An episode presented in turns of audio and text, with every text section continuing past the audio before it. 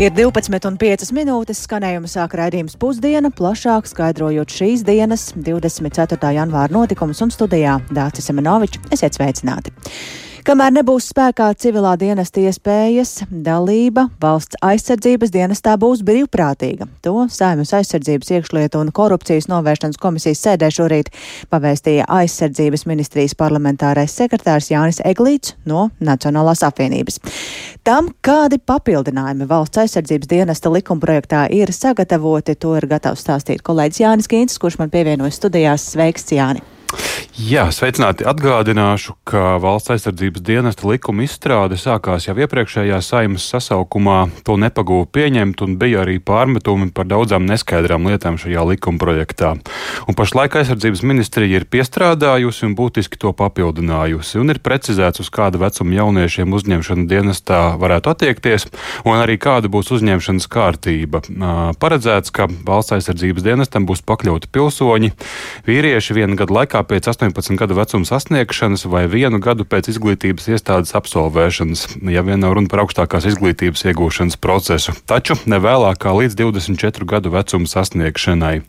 Tāpat, kā, tāpat arī, kamēr nav runas par alternatīvā dienesta iespējām, iestāšanās valsts aizsardzības dienestā būs brīvprātīgs process vismaz šogad. Par to paklausīsimies aizsardzības ministrijas parlamentārā sekretāra Jāņa Eglīta teikto.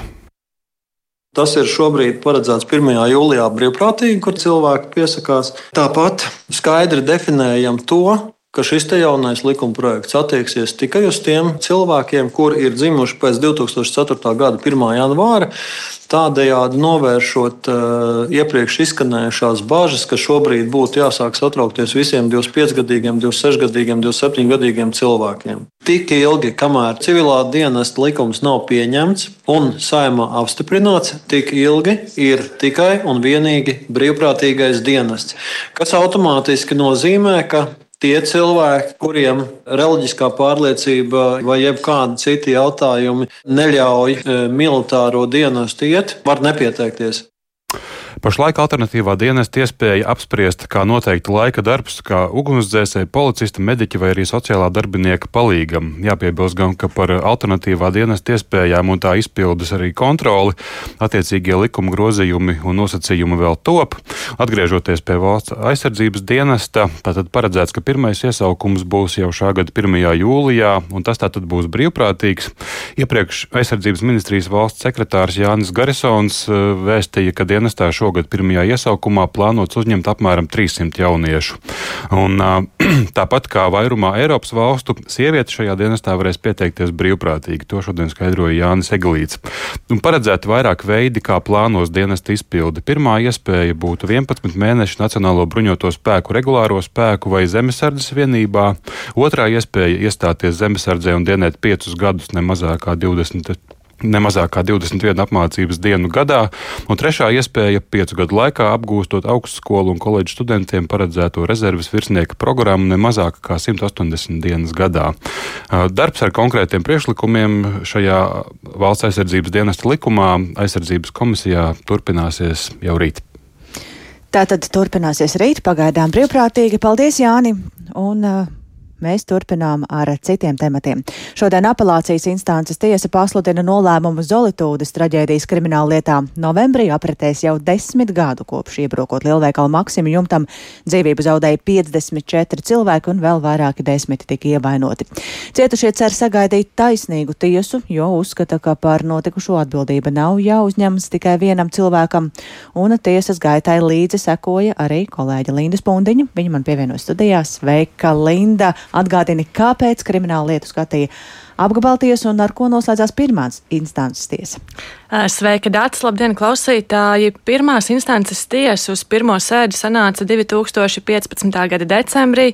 2019. gada jūnijā prokurors pabeidza savu debašu runu.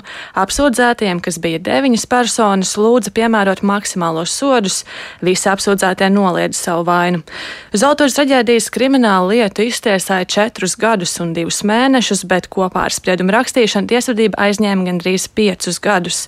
To laikā notikušas aptuveni 200 tiesas sēdes, vairāk nekā 200 personas atzītas par cietušajiem. Pirmās instances tiesa par vainīgu traģēdijā atzina tikai vienu cilvēku, ēkas būvinženieri Ivaru Sergetu, savukārt astoņas, perso astoņas apsūdzētos attaisnoja.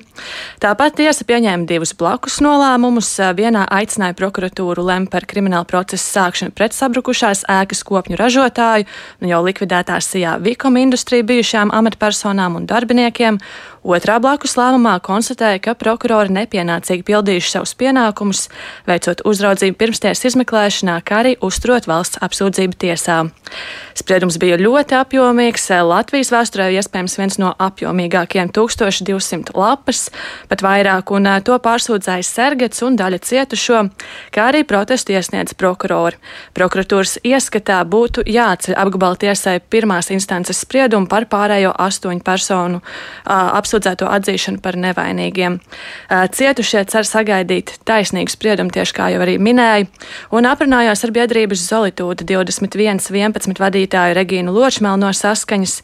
Viņa cietušo vārdā saka, ka par šo traģēdiju atbildību nevar prasīt tikai vienam cilvēkam. Pa šo laiku 12 cietušie ir vienkārši miruši, ir mirusi pat viena no apsūdzētajām personām, Marika Treja. Mēs sagaidām uh, citādāku spriedumu nekā tas ir bijis rajona tiesas spriedums, un ceram, ka sodi būs tādi, kas atturēs turpmāk tos cilvēkus, no kuru darba, no kuru atbildības ir atkarīga cilvēku veselība un dzīvība, ka viņi rīkosies tā, lai pēc tam neviens neciestu. Tā, ka tas ir bijis Zolotūda 13. gada 21. novembrī. Bojā gājušo tuviniekiem un cietušiem ticība taisnīgai tiesai noplokot, un Ločmēls sacīja, ka šogad būs desmit gadi kopš traģēdijas, un tas būtu labi, ja šogad būtu arī spriedums, kas apmierinātu cietušos. Nu jā, tas ir tas, ko sagaida cietušie un kāds šis process ir bijis līdz šim. Ko varam sagaidīt no šodienas nolēmuma, vai varam teikt, ka ar to procesu viss būs galā? Diemžēl apstiprinošu atbildi tev nevar sniegt. Tiesa var atzīt, neatzīt krimināla lietā par vainīgu Ivaru Sergetu. Tāpat var arī var apmierināt prokuratūras prasību atcelt pirmās instances tiesas spriedumu daļā, kur astoņi apsūdzētie atzīti par nevainīgiem. Šobrīd ir grūti paredzēt, kāds būs apgabala tiesas nolēmums, un pastāv arī iespēja, ka tiek atstāts negrozīts pirmās instances spriedums, bet jebkurā gadījumā šis lēmums būs pārsūdzams un paredzams Iespējams, ka process nenoslēgsies otrajā instancē, un atkal var paiet gadi meklējot vainīgos, kas uzņemsies atbildību par 54 cilvēku bojāju un vairāku desmitu cilvēku ievainošanu. Tiesa nolēmumu sāks lasīt pēc nepilnas pat vairāk nekā pusstundas, pulksten vienos, un lietas dalībnieki un interesanti to klausīsies attālinātā režīmā, un paredzams, ka tas varētu ilgt vairākas stundas. Tam noteikti turpināsi sekot līdzi arī tu, un mēs vēlāk gaidīsim nu, ziņas no tevis par jaunāko. Mēs turpinām pusdienu ar to, ka ir pagājuši gandrīz divi mēneši, kopš ir paredzēta krimināla atbildība par transporta līdzekļu vadīšanu reibumā virs pusotras promilas un arī transporta līdzekļu konfiskāciju. Valsts policija šodien vērtē šo sankciju efektivitāti un pirms brīža sazinājāmies ar galvenās kārtības policijas pārvaldes prevencijas vadības nodaļas priekšnieku Andi Rinkevicu un jautājām, vai ir attaisnojušās cerības, ka nosakot stingrākus sodus mazināsies dzērāju šoferu daudzums uz ceļiem un būs mazāk avāriju? Neliels samazinājums skaita ziņā ir, bet mēs viņus negribētu norakstīt, lai izskaidrotu ar šīm izmaiņām. Tomēr tas, kas nav izmainījies, ir šī proporcija. Ja mēs arī pirms krimināla likuma izmaiņām lielākā daļa vadītāju, kurus mēs piefiksējām, braucot reibumā, bija virs pusotras promilas, tad arī šobrīd lielākā daļa no viņiem ir virs pusotras promilas. Līdz ar to šajā kontekstā Nu, tātad šo cilvēku rīcība mainījusies nav. Runājot ar šiem vadītājiem, viņi paši atzīst, ka viņi ir lietas kursā, tātad viņi zina, ka tādas izmaiņas krimināla likumā ir bijušas, ka transporta līdzekli var konfiscēt vai, vai, vai šī transporta līdzekļa vērtība var piedzīt, bet viņi tāpat tās ir sēdušies pie stūras reibumā, bet nav pietiekami lielā reibumā. Tātad nevar tā teikt, no... ka viņi nezina jauno kārtību, vienkārši cer varbūt, ka nepieķers. Visticamāk, šāda cerība pastāv. Izskaidrot, kādēļ viņi tomēr ir sēdušies pie stūres. Nu, tādu ticamu argumentu, protams, nevar, lai gan, nu, būsim godīgi arī. Laikam tas attaisnojums šajā gadījumā nav jāmeklē. Šajos divos mēnešos cik daudz ir bijuši šādi pārkāpēji? Vidēji tie ir 10, 12 vadītāji diennaktī, kurus tad mēs konstatējam vadot transporta līdzekli reibumā. Puse no viņiem parasti pat mazliet vairāk ir uh, virs pusotras promils. Tātad, nu, faktiski 5, 6 transporta līdzekļi kā nu kurā dienā, katru dienu tiek kādam konfiscēts, vai arī piemērots transporta līdzekļa šī pilnā vai daļajā vērtība. Kas gan ir jāatzīst, tad lielākā daļa šo transporta līdzekļu vadītāju viņi nebrauc ar savu transporta līdzekli. Tātad šī konfiscēšana vai transporta līdzekļu atņemšana, tiksim, kā, kā, kā tautā mēs to saucam, tad viņa ir mazliet mazākā pusē no gadījumu, ka to ir iespējams piemērot, jo lielākā daļa no viņiem tomēr brauc ar citai fiziskai personai piedarošu transporta līdzekli. Bet varbūt šādā veidā viņi arī ir atraduši veidu, kā sēsties tomēr pie stūris reibumā, jo zina, ka viņiem mašīna neatņems, jo tā nav viņu mašīna. Tas ir viens no varbūt tādiem minējumiem, bet ar to tiešām vajag pagaidīt, kad paies ilgāks laiks, kad šī politika būs kādu laiku jau patiesībā darbojusies. Tomēr tas, kas ir jāņem vērā arī šiem vadītājiem, arī ja netiek atņemts transporta līdzeklis, viņam tiek piemērots pietiekami liels naudas sots, tad vai nu daļais vai pilns transporta vērtības apmērā.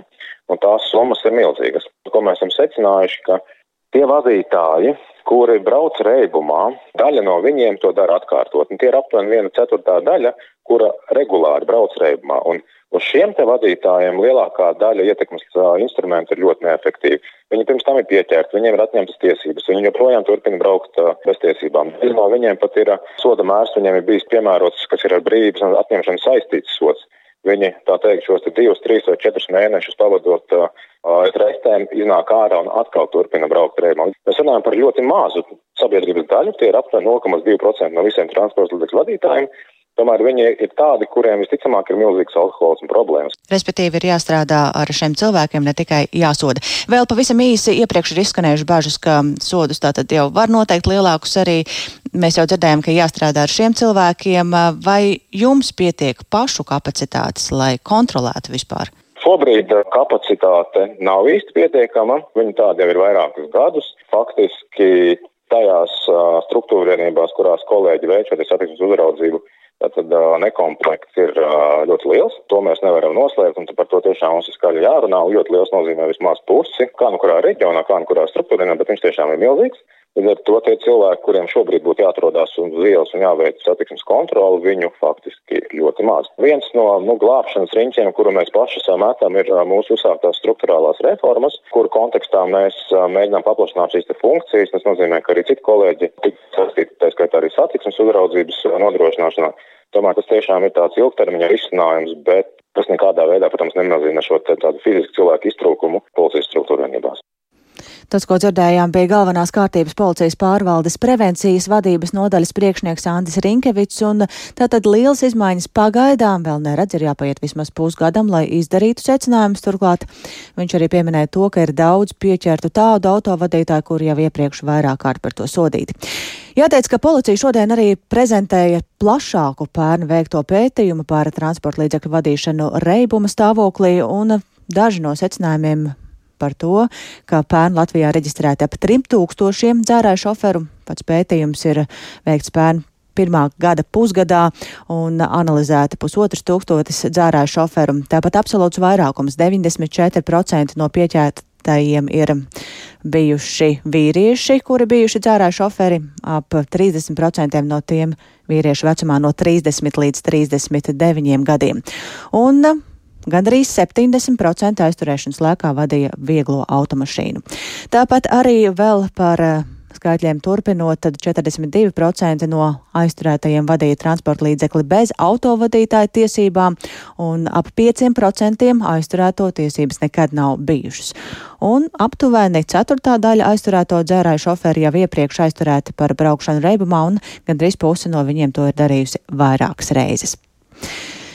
Bet mēs turpinām ar citiem tematiem, un jauns vardarbības vilnis ir skāris Amerikas Savienotās valstis. Dažu pēdējo dienu laikā valstī notikušas četras masveida apšaudes, kurās nogalināti vairāki cilvēki. Telekanāls CNN vēsta, ka pirmajās trīs šī gada nedēļās Savienotajās valstīs kopumā ir notikušas jau 38 masveida apšaudes, un pēc šādiem traģiskiem notikumiem Savienotajās valstīs parasti aktualizējas jautājums par izmaiņām likumos, kas regulē ieroču piemību tomēr būtiskas izmaiņas iedzīvinātas joprojām nav. Un plašāk par to stāsta Rihards Plūme. Aiovas štata galvaspilsētā Demoinā pirmdien notika apšaude skolā, kurā gājuši bojā divi cilvēki un viens nopietni ievainots. Savukārt Kalifornijas štata ziemeļos pirmdien notika divas apšaudes, kurās nogalināti septiņi cilvēki un viens smagi ievainots. Šīs apšaudes notika nepilnas divas diennaktis pēc tam, kad 72 gadus vecs aziātu izcelsmes imigrants nošāva 11 cilvēkus deju klubā pie Losandželosas austrumu jaungada svinībās.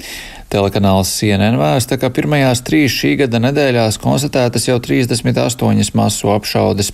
Saskaņā ar pētījumu, kas publicēts Amerikas Pediatrijas akadēmijas žurnāla Pediatriks 2022. gada decembra izdevumā, šaujamieroču traumas šobrīd ir galvenais nāves cēlonis cilvēku vidū, kas jaunāki par 24 gadiem.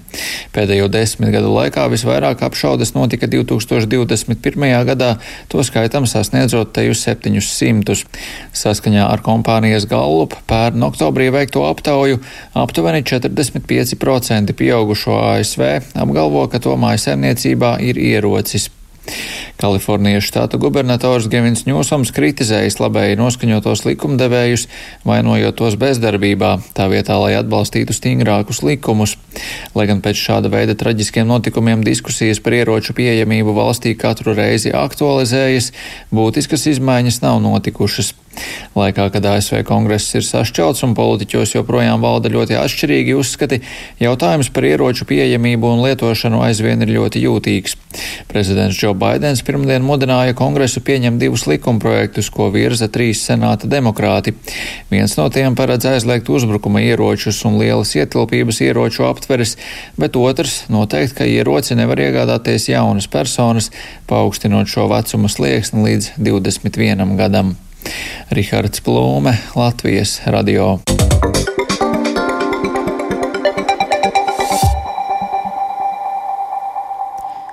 Atgriežamies pašmājās, lai runātu par streika prasību izpildi un skolotāju atalgojumu celšanas grafiku. Pedagoģa arotbiedrība šorīt tikās ar izglītības ministri, un sarunas tikko ir beigušās. Vai tās bijušas sekmīgas? Par to vaicāsim pedagoģu arotbiedrības vadītājai Ingai Vanagai. Labdien! Sveicināti! Par ko šorīt pedagoģa arotbiedrība vēlējās runāt ar ministri? Tātad šīs tikšanās mērķis bija saprast, vai tiks pildītas streika prasības. Divas vienas tātad par pedagoģu darba samaksas paaugstināšanas grafiku no 1. septembra šī gada līdz 25. gadam un otrs tātad par pedagoģu darba slodzes sabalansēšanu. Šodien mēs paspējām izrunāt uh, tikai par pedagoģu darba samaksas paaugstināšanas grafiku, uzklausīt ministrijas piedāvājumu, un mums tas ir jāizanalizē, jāsaprot, cik tas ir pieņemams visām pedagoģu grupām, sākot no pirmskolas līdz augstākai izglītībai, un ceturtdien būs otrā tikšanās, kurā mēs tātad turpināsim sarunas par grafiku, un tad arī ceturtdien ir paredzēts runāt par darba slodzes sabalansēšanas plānu. Bet šajā brīdī tā pirmā, pirmais iespējas apmierina jūs piedāvājums? Mēs nevaram precīzi atbildēt, jo mums uh, nebija iepriekš pieejams šis ministrijas piedāvājums, un tamdēļ, jā, mums ir uh, pašiem jāveic šie aprēķini, balstoties uz ministrijas izteikto priekšlikumu. Mums ir jāpārliecinās, ja. Tas, kas ir būtiski, ka sākotnējās sarunās uh, tika piedāvāts, ka algas paaugstināšanas grafiks būs no 24. gada janvāra, un mēs ministrei atgādinājām, ka vienošanās paredz, ka grafikam ir jābūt no 23. gada septembra. Ministri to respektēja jau un ņēma vērā valdības lemto un streika vienošanos, un tamdēļ tad par pārējo, ja, mums ir jāapspriež ar mūsu biedriem un tad jāizanalizē aprēķini, un ceturtdien mēs varēsim pateikt, cik lielā mērā tas ir pieņemams, šis piedāvātais darba samaksas paaugstināšanas grafiks. Var, vai ir jau šobrīd zināms, nu, par ko varētu būt tā lielākā neapmierinātība no jūsu puses, vai tiešām jūs pagaidām tikai analizēsiet un pēc tam kādu komentāru? Neapmierinātība var, varētu būt tādā gadījumā, ja kādu no streika vienošanās nu, uzskatīs, ka nav jāpilda. Ja? Jā, mēs arī norādījām, ka mums ir tikpat svarīga prasība par slodžu sabalansēšanu. Ministri informēja, ka tas ir jāskatās kopsakarā ar skolu tīklu optimizāciju, taču mēs atļāvāmies norādīt ministrijas pārstāvjiem, ka šīs abas prasības ir vienlīdz prioritāras un minējām, redzējām situācijas, ka jau pie diezgan konkurētspējīga atalgojuma pie, trūkst ja, šo pedagogu, jo ir slodze nesabalansēta, ja ir nesamērīgi daudz šo nu, kontaktstundu mācību nodarbību un nav laika visiem citiem pienākumiem, ko prasa jaunais kompetencēs nu, balstītais saturs. Un tas ir jau mēs šeit runājam arī ne tikai par izglītības kvalitāti, ja, par ko bieži, visbiežāk runām kvalitātes monitoringu, bet mēs jau pat runājam par izglītības pieejamību. Tātad šie abi jautājumi, šī nu, steika prasības gan par algu, gan par slodzi, ir, ko ne, mēs nevaram tās atrauc skatīties, ja, un tāpēc mēs arī prasīsim šo da, darba slodzes sabalansēšanas plānu, kas, jā, pēc, nu, ministrijas šodien izteiktā viedokļa varētu būt problemātiskāks, Taču tā ir streika vienošanās, un mhm. tāpēc mums arī kā rotbiedrība ir pienākums virzīties, kad uh, ir šis plāns un ka valdībā tiek iesniegts līdz 1. februārim. Pretējā gadījumā mums kā rotbiedrība ir pienākums ievērot arī šo streika likumu un risināt to šādām metodēm. Bet to cerams, ka līdz ceram, ka līdz tam nenonāksim, un ceturtdien būs jau skaidri, precīzi risinājumi arī par slodzes sabalansēšanas plānu no ministrijas puses, jo no līdzga puses mēs savu redzējumu esam iesnieguši. Mēs gaidām ministrijas atbildes reakciju līdz piedāvājumam par slodzes sabalansēšanu. Paldies, dzirdējām izglītības un zinātnes darbinieku arotbiedrības vadītāju Ingu Vanagu. Tātad, um, Arotbiedrība vēl izvērtēs ministrijas piedāvājumu un sarunas vēl turpināsies. Nevis mū, tas, ko sacīja ministrs savukārt, ka nevis mūsu starpā grūti rast kompromisu, bet tas prasa zināmu naudas masu, lai mēs varētu sasniegt tos mērķus, kas ir saistīti ar skolotāju atalgojumu. Un tas ir kritiski svarīgs punkts, lai mēs kopumā nonāktu pie kvalitatīvas un pieejamas izglītības. Tas ir kopā ar pašvaldībām veicams darbs. Neteikšu, ka ir lielas nesaskaņas, bet katram ir savs redzējums un tikai tā var nonākt līdz labam rezultātam. Tā šodien pēc tikšanās sacīja ministre. Bet mums ir iespēja arī paklausīties, ko viņa šorīt eh, Latvijas radio sacīja, uzsverot to, ka algas pedagogiem ir jāceļ, taču tam jānotiek kopā ar skolu tīkla sakārtošanu. Šobrīd mums ir tāda duāla situācija. No vienas puses mums ļoti tiešām trūks skolotāju, no otras puses, ja mēs skatāmies uz skolotāju skaitu, tas ir attiecībā pret skolēnu skaitu liels, mums trūks naudas, no otras puses finanšu ministrija skaidri rāda, ka mēs esam labi finansēti attiecībā uz vienu skolēnu. Un tā atšķirība finansējumā uz vienu skolēnu ir vairāk kā 6,5 reizes atsevišķos reģionos, kas nozīmē, ka mums ļoti būtiski ir jāstrādā pie tādas efektīvas cilvēku resursu izmantošanas, ņemot vērā, ka tā svarīgākā prioritāte ir kvalitatīva izglītība un labi apmaksāt skolotājs, jo bez tā mums šī kvalitīvā izglītība nav iespējama, tad skolotāja algas iet kopā ar skolu tīklu sakārtošanu. Un kā jūs redzat to optimizāciju turpmāk? Tas ir tāds ļoti izaicinošs darbs, pie kā šobrīd strādā komanda. Un bieži vien man saka, ka salīdzina liels skolas un mazas skolas. Tāds, man liekas, nav par to. Tas ir par to, vai klases izmērs un klašu komplekts var nodrošināt skolotājiem darbu ar tiem skolēniem kvalitatīvi, vai ir pietiekams atbalsta personāla skaits un lai skolotājiem var nodrošināt arī pilnu slodzi un iespēju attīstīties savā profesijā. Līdz ar to mums jāņem vērā visi šie kritēriji, arī, protams, attālumi no mājām, pieejamība bērnam. Sarežģītā sadaļa ir tā, ka mums ir jāspēj vienoties ar pašvaldībām, jābūt tātad kopīgai izpratnē par to, ko nozīmē laba skola Un es teiktu, vēl jāiet prom no tā mīta, ka vecāki nesaprot, ko nozīmē laba izglītība. Jo bieži vien varbūt ir vairāk tā sajūta, ka vecāki grib tikai tuvāk mājām, bet šodien bez labas izglītības cilvēks nevar tālāk nonākt darba tirgu. Darba devēja šobrīd prasa kvalificētu darba spēku. Dzirdējām izglītības un zinātnes ministri Andu Čakšu, un ar to arī izskan raidījums pusdiena. Producenta Ilze Agīnta ierakstus montēja Kaspars Groskops par labskaņu rūpējās Rīta Karnača un ar jums sarunājās Dāce Semenoviča. Vēl īsi par svarīgāko Rīgas apgabala tiesu šodien paziņos nolēmumu tā dēvētajā Zolitūdes traģēdijas krimināla lietām. Ir pagājuši divi mēneši kopš paredzēta krimināla atbildība par transporta līdzekļu vadīšanu reibumā. Par izmaiņām vēl runāt ir pāragri, un jauns vārdarbības vilnis ir skāris Amerikas Savienotās valstis.